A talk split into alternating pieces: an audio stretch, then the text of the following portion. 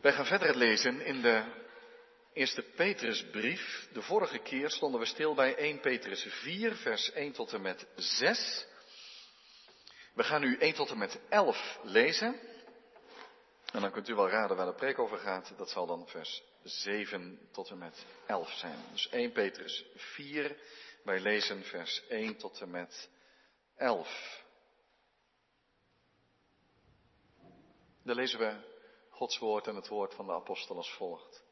Wel nu, omdat Christus voor ons in het vlees geleden heeft, moet ook u zich wapenen met dezelfde gedachte. Wie in het vlees geleden heeft, is opgehouden met het dienen van de zonde. Om nu, in de tijd die ons nog overblijft in het vlees, niet meer naar de begeerten van mensen, maar naar de wil van God te leven. Want wij hebben de voorgaande tijd van ons leven lang genoeg de wil van de heidenen gedaan en gewandeld in uitingen van losbandigheid, begeerten, dronkenschap, zwelgpartijen, drinkgelagen en allerlei walgelijke afgoderij. Daarbij bevreemdt het hun dat u niet meeloopt in dezelfde uitbarsting van losbandigheid en zij belasteren u. Maar zij zullen rekenschap moeten afleggen aan hem die gereed staat om de levenden en de doden te oordelen. Want daartoe is aan de doden het evangelie verkondigd, opdat zij wel geoordeeld werden naar de mens in het vlees, maar ook zouden leven naar God in de geest. En het einde van alle dingen is nabij. Wees daarom bezonnen en nuchter in de gebeden. Maar heb voor alles vurige liefde voor elkaar, want de liefde zal een menigte van zonden bedekken. Wees gastvrij voor elkaar, zonder morren. Laat ieder de anderen dienen met de genadegave zoals hij die ontvangen heeft, als goede beheerders van de veelsoortige genade van God. Als iemand spreekt, dan als iemand die de woorden van God spreekt. Als iemand dient, dan als iemand die dient uit kracht die God schenkt. Zodat God in alles verheerlijkt wordt door Jezus Christus. Hem komt de heerlijkheid en de kracht toe. Tot in alle eeuwigheid. Amen. Tot zover lezen we Gods woord.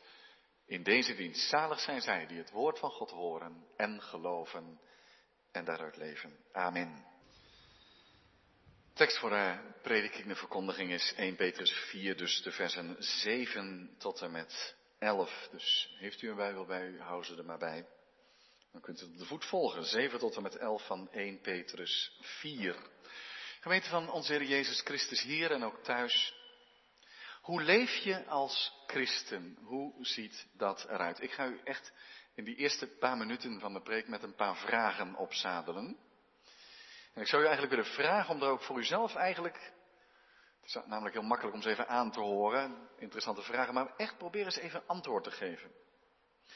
Stel, die vraag komt niet van mij, maar van iemand die niet gelooft, maar geïnteresseerd is in het christelijk geloof en die zegt, help me even. Hoe ziet dat eruit? Christelijk leven. Hoe zou je, in postzegelformaat zeg maar ongeveer, hoe zou je op die vraag antwoord geven? Wat is een christelijk leven? Best veel over te zeggen en over te denken. Hè? Je zou ergens drie, vier, vijf kernwoorden voor jezelf moeten pakken. Dat zijn de woorden waar als ik het tijd zou krijgen om het uit te leggen, moeten die woorden erin zitten. Moet je dan een lang antwoord geven? Omdat er toch wel heel wat komt kijken bij het christelijk leven. Of is het eigenlijk zo eenvoudig dat als je echt een, een, de navolger van Jezus, het christelijke leven zou moeten samenvatten, dat het eigenlijk ook al een vrij kort en bondig antwoord zou kunnen zijn? Dat is nog redelijk theoretisch, nietwaar? Als je nou naar je eigen leven kijkt. Jouw, uw leven en ik naar mij. Wat is dan kenmerkend voor het christelijke leven dat ik leid? Klopt het als ik zeg dat er best wel wat mensen in onze maatschappij leven, en vergis je niet, zulke gedachten kunnen even goed binnen de muren van de kerk en binnen je eigen hart rondgaan. Hè? Maar goed, dat er best veel mensen zijn die zouden zeggen, nou, christelijk leven. Het eerste wat ik dan denk is wat ik allemaal niet mag. U niet zeker, hè, hoop ik. Maar het zou niet gek zijn als je dat zou horen, toch, hè? Dan mag ik niet van het geloven van de kerk of wat ook. Nu, er is ook best veel wat niet mag. Ja, dat zeg ik naar aanleiding van de eerste zes versen waar we vorige week bij stilstonden, omdat de apostel daarin natuurlijk forse pennenstreken en alle stevigheid zegt, ja dat oude leven volgens die heidense begeerten, dat, hebben we lang genoeg in geleefd. Dat is achter ons een losbandigheid, dronkenschap, afgoderij en zwelgpartijen. En hij zet het behoorlijk stevig aan. Hij zegt, dat leven wat niet spoort met goede Gods goede bedoelingen, laten we dat echt achter ons laten. Dus niet leven naar de begeerte van mensen, maar naar de wil van God. En nadat de apostel in de versen 1 tot en met 6 heeft uitgelegd hoe niet, waar je, neem je afstand van, komt in de versen 7 tot en met 11 aan de orde. Hoe dan wel? Een paar dingen om niet al te veel vooruit te grijpen als we straks de versen wat langslopen. Een paar dingen die al opvallen, dus laten we die even vastpakken. De toon wordt gezet in vers 7. Het einde van alle dingen is nabij. Dat zet de toon van het christelijke leven. Toekomst. Toekomstgerichtheid. Vervolgens, wat opvalt is dat het christelijke leven, wat de apostel hier beschrijft, is dat leven naar de wil van God, zoals hij dat noemt in vers 2, en hij hier uitwerkt, dat dat leven begint bij de binnenkant. Je zou natuurlijk direct kunnen zeggen, en laat het maar een flink praktische preek worden. Absoluut, dat moet. Maar het begint aan de binnenkant. Want we moeten bezonnen en nuchter zijn in de gebeden. Het christelijke leven wordt gedragen door dat je zorgt voor je ziel. Dat je hart afstemt in het gebed op die toekomst van Jezus Christus. Nog iets opvallends, en we komen er straks allemaal wat uitgebreider bij. Ik was er eigenlijk weer door verrast. Ik heb dat ook bij hoofdstuk 3 vers 8 gezegd. Dat op het moment dat de apostel gaat uitleggen hoe leef je dan in deze wereld, hoe leef je dan als christen, hoe ziet dat eruit, dat hij dan op de een of andere manier ervoor kiest om alle nadruk te leggen op de onderlinge omgang met elkaar als gemeente. Dat is toch opvallend, vindt u niet? Want ik kan natuurlijk zeggen van hoe, hoe ga je met je buurman om? Hoe ga je op je werk om? Hoe doe je je studie? Uh, trouw waarschijnlijk en toegewijd en eerlijk. En nou, dan kun je heel veel dingen opnoemen die, die hopelijk ook buiten de kerk en buiten het christelijk geloof te vinden zijn, maar toch typisch zijn. De liefde, de toewijding, de trouw, gerechtigheid, noem allemaal maar op. Nou, zegt de apostel, dat is heel belangrijk.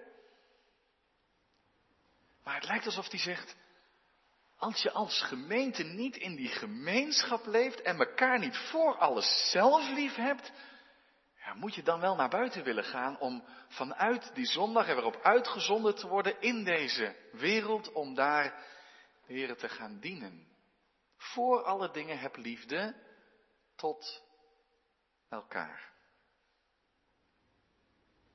Er zijn maar een paar opvallende dingen, maar we gaan er iets uitgebreider bij stilstaan. Toekomstgericht leven als christen, zet ik er maar als thema boven. En vijf, u krijgt vijf kernwoorden in deze verse. De eerste is gebed, de tweede is liefde, de derde gastvrijheid, de vierde dienstbaarheid, bent u er nog?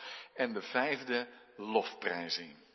Nou, ze komen straks wel langs, maar nog één keer. Maar als u meeleest, dan kunt u die woorden wel terugvinden. Vers 7, de gebeden, het gebed. Vers 8, liefde. Vers 9, gastvrijheid. Vers 10, dienstbaarheid. En vers 11, het loopt uit op de lofprijzing. Vijf kernwoorden voor het christelijke leven. Toekomstgericht leven als christen. Het gebed is de eerste. Het christelijke leven wordt gedragen door het gebed. Want wat is een gebed? Gebed betekent dat je God nodig hebt en dat ook uitspreekt. Gebed is niet veel anders dan, en dan gaat het er niet om hoe dat gebed precies in elkaar zit. Kan belangrijk zijn, maar het gaat hier even om wat het gebed is. Dat je God nodig hebt en dat je dat ook wil uitspreken, dat je God zoekt, dat je dicht bij God wil zijn. Dat wil zeggen, je hart afstemmen op het woord en op het evangelie, op het koninkrijk van God. Op Gods wil, op Gods toekomst. Want daar heeft Petrus het over, over die toekomst van God. Want hij zegt, het einde van alle dingen is nabij. Daarom bidden. Het einde van alle dingen. Ja, wacht even, het einde van alle dingen. Wat bedoelt hij dan precies? Wetenschappers die hebben het ook wel eens over het einde van alle dingen. Dat wil zeggen, uiteindelijk zal de zon, die ook maar een ster is, er een keer mee ophouden. Vroeg of laat, laten we hopen laat. Dan implodeert hij en dan is het gewoon over. Het einde van letterlijk alle dingen. Maar dat is niet de toekomstverwachting die de Bijbel ons voorhoudt. Want de toekomstverwachting, waar de Bijbel over spreekt, die zegt dat niet dat God een einde maakt van alles wat hij heeft geschapen. Er is heel veel wat God geeft in zijn schepping, wat meegaat naar zijn toekomst. Het kan ons helpen om dat woordje einde, het woordje te los staat er in het Grieks, meer te vertalen niet als einde van God maakt een totaal nieuw begin. Ja, het zal wel een nieuw begin zijn, maar dat woordje te los betekent doel. Misschien eerder vertalen met voleinding, waar het allemaal naartoe gaat. Gods plan, Gods voltooiing, de voleinding van alle dingen komt rap dichterbij. Het staat al voor de deur. Het duurt niet zo lang meer. Of God brengt alles tot een voleinding. Dan gaat het door zijn oordeel heen. Ja. En dan gaat het naar die nieuwe hemel en de nieuwe aarde. De herschepping van alle dingen. Dat is zijn toekomst. Dus houdt alles op? Nee, daar houdt wel veel op. Ja. Daar houdt best veel op. Wat verkeerd is, houdt echt op. Maar het goede gaat mee, wat God zegent. En hij herschept de hele kosmos. En ook zijn mensheid. Veel is dan over en uit. Zonde, dood. En dan is er Gods nieuwe wereld. En dat is nabij, zoals de Heer Jezus verkondigde. En zie, het koninkrijk van God is nabijgekomen. Het is er al. Het is er bijna. Het is zo dichtbij. En als u nu zegt, ja, wacht eventjes. Ik ga er niet zoveel op in, maar het kan wel nabij zijn. Maar dat is toch knap lang geleden dat hij dit geschreven heeft. Ja, daar moeten we het nog een keer over hebben dan. En dat zou je dan aan de hand van 2 Petrus 3 goed kunnen doen. Want daar, daar spreekt de apostel over die vragen. Hoe komt het dat het dan zo lang duurt? En gaat Gods belofte nog wel in vervulling? En daar zegt hij dan ook, ja, vergis je niet hè. Wij kijken tegen eeuwen aan, maar voor God is duizend jaar als één dag en één dag als duizend jaar. Het is nabij. Nou, wat heeft het christelijke leven nu te maken met dat doel, dat einde? Alles natuurlijk. Moet je voorstellen dat je zo in het leven staat dat je totaal niet gelooft dat het einde van alle dingen nabij is, dat het ergens naartoe gaat. En dat je zegt, ja, het zal ooit wel eens aflopen, maar dat zal waarschijnlijk niet tijdens mijn leven zijn moeten we nog wel wat ons best doen met die klimaatcrisis natuurlijk, want anders komt het rapper dan je denkt. Maar goed, daar doen we ons best voor. Als, je dat, als dat je leven is, we leven en we maken ervan, ja, dan leef je anders als dat je zegt, God heeft een doel, daar moet het naartoe. Maar dat wordt dan ook mijn doel. Want ik hou van God en van zijn plannen, van zijn wil. En dan ga ik nu vast, hoe moeilijk dat ook is, want het leven is nog zo moeilijk, het is nog zo'n oude wereld, maar ik mag toch al als een vernieuwd mens in, die oude wereld leven, in de richting van Gods toekomst. Ja, dan is het ook niet vreemd dat de apostel zegt, ja, als je zo leeft met die verwachting, dan, dan, dan ga je ook bidden. En dan wel op een bezonnen en nuchtere manier. Bezonnen wil zeggen nadenkend. Een bezonnen iemand is iemand die niet te snel reageert, omdat hij zijn oordeel te snel klaar heeft. Maar een bezonnen iemand is iemand die zegt, nou, oké, ik kijk daar met niet bewust hoor, maar die kijkt er met wijsheid naar, die onderscheidt wat ertoe doet en wat niet. En die ziet scherp waar het naartoe moet. En nuchter. Ik weet niet of jij een nuchtere persoonlijkheid bent, maar nuchter, zoals wij dat woord gebruiken. Het wil vaak zeggen dat je niet zo makkelijk met je emoties mee laat slepen, maar dat je net als dat woord bezonnen, ze horen wel wat bij elkaar, dat je de dingen overweegt. Maar nuchter betekent natuurlijk ook gewoon heel letterlijk dat je niet uh, dronken bent. En de zaak wat wazig bekijkt, maar scherp, alert. En je kan reageren op de dingen die zich voordoen. Nu bezonnen en waakzaam, nuchter in de gebeden. Nu dus even terug naar dat eerste kernwoord gebed. Dat stempelt dus je gebeden. Als je zegt, ja, maar natuurlijk bid ik, maar ja, dat, dat einde van alle dingen, dat doel, dat, dat vergeet ik. Nou, dan kun je bidden of het mooi weer mag zijn als je met je elektrische fiets gaat fietsen. Dat lijkt me dan een uitstekend gebed. Begrijpt u? Ik zeg het natuurlijk even wat prikkelend, hè. Zo van, laten we een fijne middag hebben en dan bid je voor alles wat je nodig hebt om vooral niets van het goede leven te missen. Want het doel van je leven is, ja, toch wel eruit halen wat erin zit. En begrijp me goed, ik ga niet lopen morren over eh, het vele wat God te genieten geeft. Hè? Maar als Gods doel ook jouw doel wordt, dan komen je gebeden ook in dat licht te staan. Laat uw koninkrijk komen. Mag ik dat dienen? Mag ik daar, ja. Als God het geeft, tekenen van laten zien. Genezing misschien zelfs.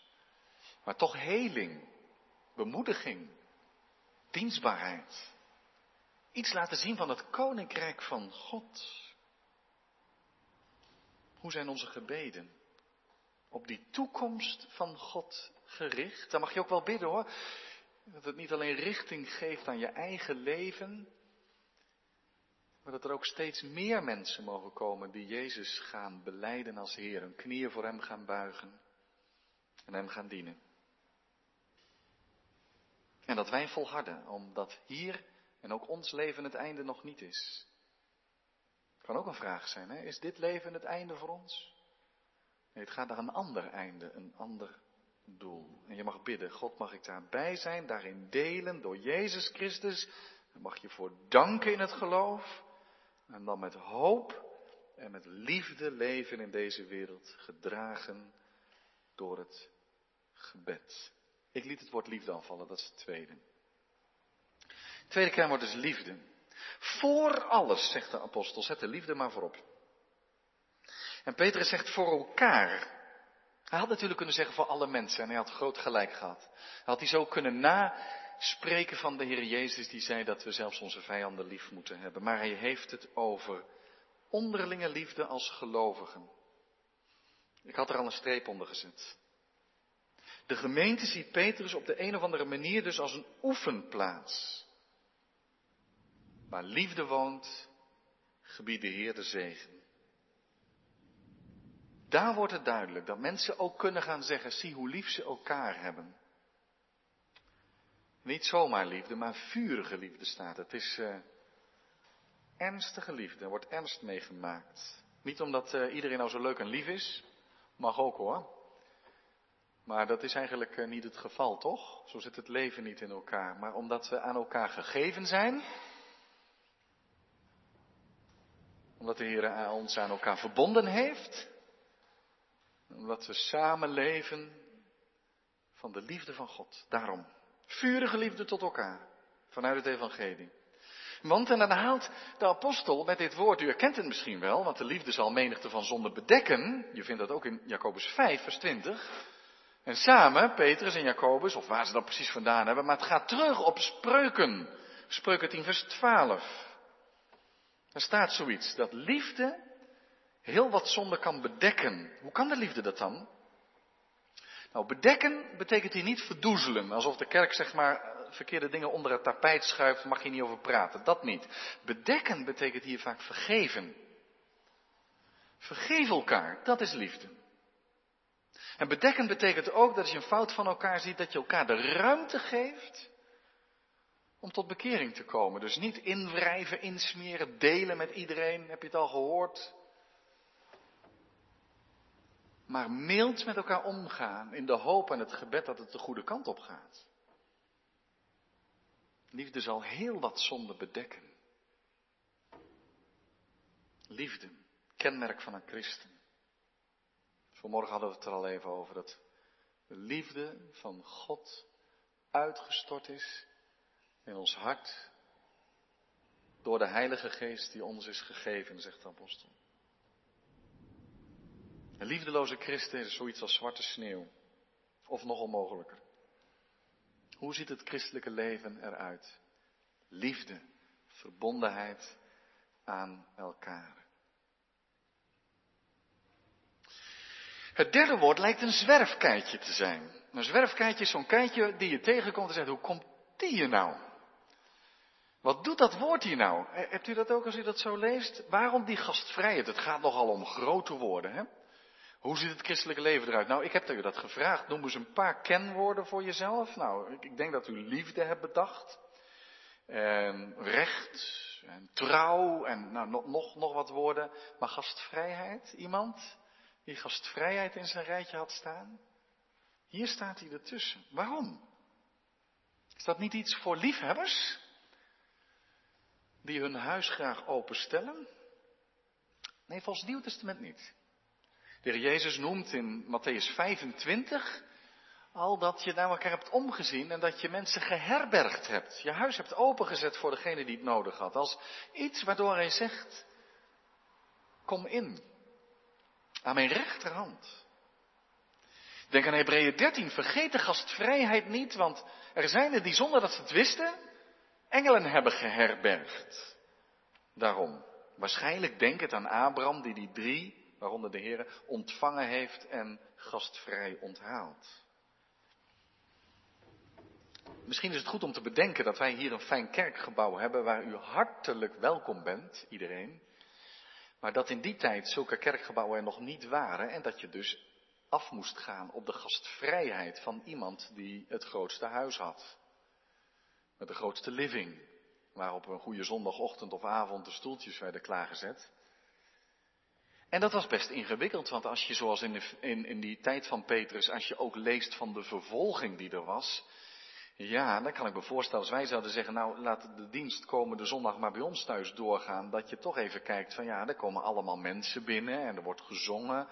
Hoe ziet dat eruit in de straat? Mag het zonder morren, zegt Petrus dan. Gastvrij ook voor de gemeente. En voor rondrijdende christenen die niet zo makkelijk in een herberg terecht konden, maar misschien ook gewoon voor elkaar. Om als je elkaar nodig hebt of je loopt vast een plek van rust te vinden. Joh, vertel eens. Ik wil naar je luisteren. En ik denk daarom ook dat gastvrijheid hier niet zomaar een zwerfkeitje is van um, samen even een koffietje drinken en het gezellig hebben. Maar gastvrijheid wil eigenlijk zeggen ik besef dat wat ik heb gekregen niet van mijzelf is, maar dat ik het gekregen heb om anderen mee te dienen. Vergeet niet dat Petrus schrijft, denk aan het begin van de brief, aan de vreemdelingen en bijwoners. Pelgrims dus, mensen die op reis zijn, die wel hier leven, maar niet hier leven als, alsof het een, een, een bestemming is. Ze zijn nog onderweg naar dat einde, dat doel van God. En onderweg heb je elkaar nodig. En je laat delen van wat je, in wat je gekregen hebt. En daarom zeg je, ik wil de Heer met mijn huis en met mijn spullen dienen. En zo mensen dienen. Dus het gaat niet alleen om het openzetten van de deuren van je huis. Maar vooral allereerst om het openzetten van de deuren van je hart. Het besef, ik leef hier, ik heb broeders en zusters, ook onderweg naar zijn toekomst. Heb je het nodig? Kom maar binnen.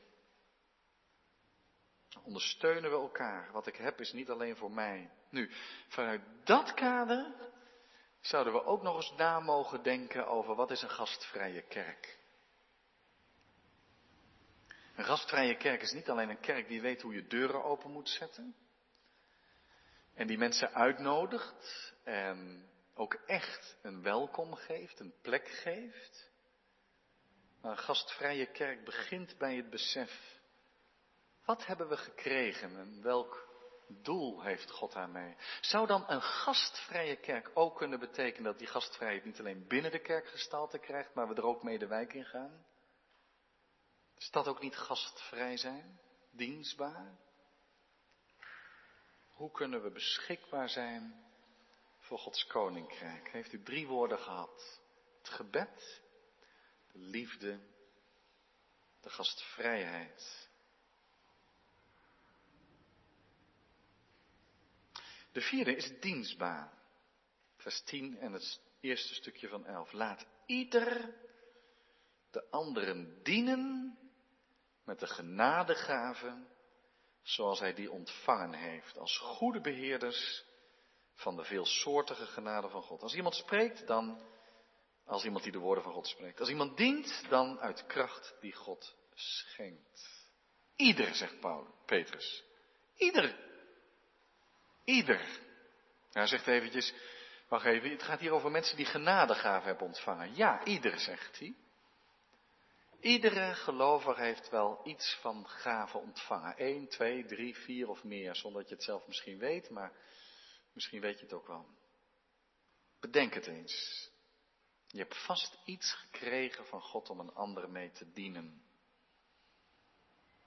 Kun je een luisterend oor bieden? Liefde geven, meeleven, doorvragen, helpen, onderwijzen, organiseren, begeleiden. Ieder. Het is een genadegave, dat wil zeggen, het hoort, het komt samen met de genade van het evangelie van Jezus Christus. En we zijn aangesteld tot beheerder. Je kunt natuurlijk uzelf wat in bescherming nemen nu en zeggen, ah wacht even, daar hebben we een kerkenraad voor. Dat kan, en u heeft niet helemaal ongelijk, want die zijn ook beheerders van de genadegaven die God in de gemeente heeft gegeven. Maar dat staat er nou net niet. Er staat dat iedere christen ook een beheerder is. En een beheerder, dat woord wat hier staat, econoom, oikonomos, dat was eigenlijk de manager huishouding in een groot huis. Dus die regelde inkoop, financiën, organisatie, planning, agendabeheer. Je beheert iets, een heel huis in dit geval. En, en in dit geval dan, je beheert de genadegave die God je geeft. Dat mag je wijs doen. Je kunt niet de hele dag met een bepaalde genadegave die je hebt door het leven rennen, totdat je erbij neervalt. Je moet het beheren. Welke gave heb ik gekregen? Hoe zou ik die kunnen inzetten? Wanneer? Op welke wijze? Daar mag je ook met anderen over spreken. Er naar op zoek. Beheerder van wat God geeft. Ja, van wat dan? Van staat er veelsoortige genade. Oh, het is zo veelkleurig. Het is heel veelkleurig, het is heel veelsoortig. Niet allemaal hetzelfde. De een kan dit, de ander dat. En gelukkig zie je daar ook iets van in de gemeente. Veelsoortig betekent ook overvloedig. De Heer geeft genoeg binnen de gemeente om de gemeente te laten bloeien. De apostel werkte nog uit in twee lijntjes. Daarmee vat hij eigenlijk alles samen. Of nou je spreekt, dan zit je meer in de richting van onderwijs geven, verkondiging, pastoraat, meeleven, woorden en daden. Als iemand dient. Dan zeg je, ja, kan, kan u niet wat meer noemen? Nou, dan heb je nogal wat hoor. Woorden spreken en dienen. Als iemand woorden spreekt, of je nou leiding geeft in de zondagschool, of een kindermoment doet, of je moet het woord uitleggen, of je geeft kringleiding, of je spreekt, of je, je zit naast iemand en zegt hoe gaat het met je, spreek je ook. Spreek dan als woorden van God. Niet eigen woorden, maar zoek die woorden die voortvloeien uit het evangelie van de Heer Jezus Christus. Om anderen te helpen op de weg achter Jezus aan. En als je dient, niet in eigen kracht, maar in het besef dat je afhankelijk bent van God en dat Hij je er de kracht toe geeft. Dienstbaarheid. Daar bloeit een gemeente van. Dat is een geweldige zegen in het leven met God, in het christelijke leven. Als we nou zo naar de kerk gaan, van nu voortaan, Heer, mag ik anderen dienen. Als we zo van hier gaan, het leven in, naar huis, als je niet alleen bent, hoe kan ik mensen dienen? Hoe kan ik de genadegave van God op mijn werk inzetten? Wat heeft God mij gegeven, waarin ik iets kan laten zien van het evangelie van Christus? Als het vierde woord, dienstbaarheid. En het vijfde tenslotte is de lofprijzing, want daar loopt het op uit. Want de dienstbaarheid gaat zo verder, zodat God in alles verheerlijkt wordt door Jezus Christus. Dat wil zeggen dat wij God mogen verheerlijken door Jezus Christus. Dat wil zeggen omdat Jezus Christus de poort naar de vrede van God geopend heeft, naar het kennen van God geopend heeft, naar de toekomst van God geopend heeft. En daarom mag ons hele leven erop gericht zijn, Heer, dat u de eer mag ontvangen. En dan loopt het uit op een lofprijzing die, en die lofprijzingen vind je vaak in het Nieuwe Testament. Soms om een deel van een brief af te sluiten, soms omdat het onderwerp er aanleiding toe geeft. Hem, dat is God of Jezus Christus, kan allebei, komt de heerlijkheid en de kracht toe, nu en tot in alle eeuwigheid. Amen, zegt de apostel dan. Zodat God in alles verheerlijkt wordt. Dat is het doel van het christelijke leven. Dat wil dus niet zeggen hier dat het erom gaat dat we gelukkig ook momenten hebben dat we God gaan prijzen. Dat doen we in een dienst. Aanbidding. God danken en prijzen. Dat doe je zelf op momenten. Maar nee, de liturgie, dat wil zeggen de dienst aan God in de kerk, gaat verder in het leven. Op maandagochtend als de wekker gaat tot dat je weer op je bed bent. Misschien dat dus ook wel. De liturgie, de dienst aan God. Dat is ons leven. Dat ons leven een lofprijzing voor God mag zijn. Wat een verlangen van de apostel komen we tegen in deze verse. Hij hoopt zo en hij bidt daarvoor dat degene aan wie die schrijft, dat ze dit in hun leven in de praktijk brengen, ervaren mogen, terugzien. En ik voeg me daarbij, voor mezelf en voor jou, voor jullie. Dan zie ik een opleving voor me. Blijdschap in mensenlevens en in de gemeente. Dienstbaarheid en liefde. Het was een paar preken geleden dat ik zei, en ik moest daar nu opnieuw aan denken, toen was er ook aanleiding voor. Als je God half dient, dan merk je altijd dat het te veel gevraagd is. Want de helft is veel moeilijker dan het geheel. Als je met een half hart Jezus wil volgen, dan is het altijd te veel gevraagd. Maar als je zegt, Heer, hier ben ik, neem mijn hart, neem mijn leven, dan komt daar ook de vreugde van het kennen van Jezus en van God.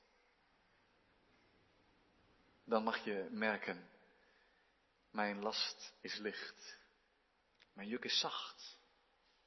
Er is ook de vreugde. En hier ligt deze versen zo'n enorme zegen. Bid ervoor. Dat je deze teksten, en ik zou zeggen, neem die vijf kernwoorden of die vijf versen, neem ze mee, lees ze nog eens, herlees ze nog eens, sluit ze op in je hart en probeer ze mee te nemen in je dagelijks leven deze week. En dan mag je er ook bij bidden. Mag het mijn vreugde zijn. Dan voel je je niet leeggezogen door het christelijk leven. Hopelijk niet. Maar zeg je, ik heb wel weer steeds toerusting nodig en voeding. En ja, ik heb ook mijn rustmomenten nodig, absoluut. Maar gewoon doorheen het leven mag ik de Heer Jezus volgen. En niets liever dan dat. Het gebed draagt het. Eigenlijk is dat mooi, hè?